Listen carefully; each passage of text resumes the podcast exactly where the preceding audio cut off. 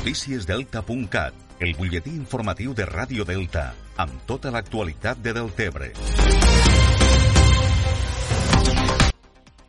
El darrer temporal de llevant ha tornat a impactar amb força sobre la costa del Delta de l'Ebre. A través d'un comunicat, la taula de consens, on hi estan representats ajuntaments i regants, han alertat que esta nova llevantada ha tornat a posar en evidència l'extrema vulnerabilitat que pateix el Delta. Segons ha informat Costes de l'Estat, el darrer temporal de llevant, que va impactar amb força sobretot la tarda i nit de divendres, ha produït un nou trencament de la barra del Trabucador d'uns 150 metres i també s'han obert vies d'aigua a la barra litoral de Buda.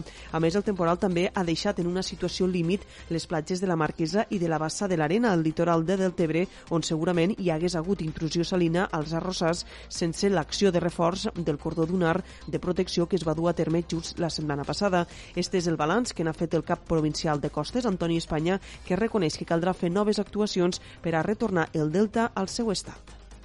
Eh, en general, el comportament del litoral del Delta ha sigut prou, prou bo excepte el trabucador, que hi ha hagut un trencament d'uns 150 metres, que és reparable.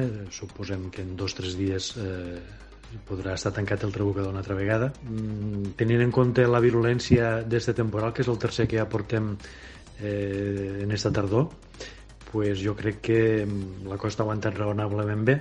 És cert que s'hauran de fer reparacions i, evidentment, hem de continuar aportant volums d'arena per reforçar aquestes zones fràgils de forma preventiva.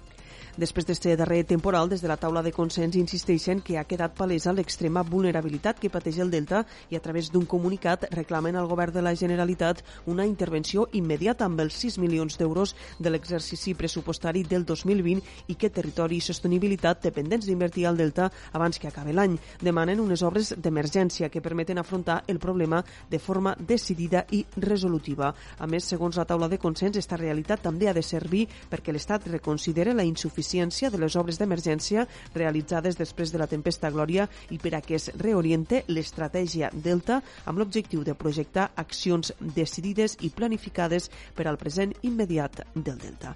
Això és tot per ara. Ja saben que poden continuar informats, com sempre, a través del portal deltacat.cat.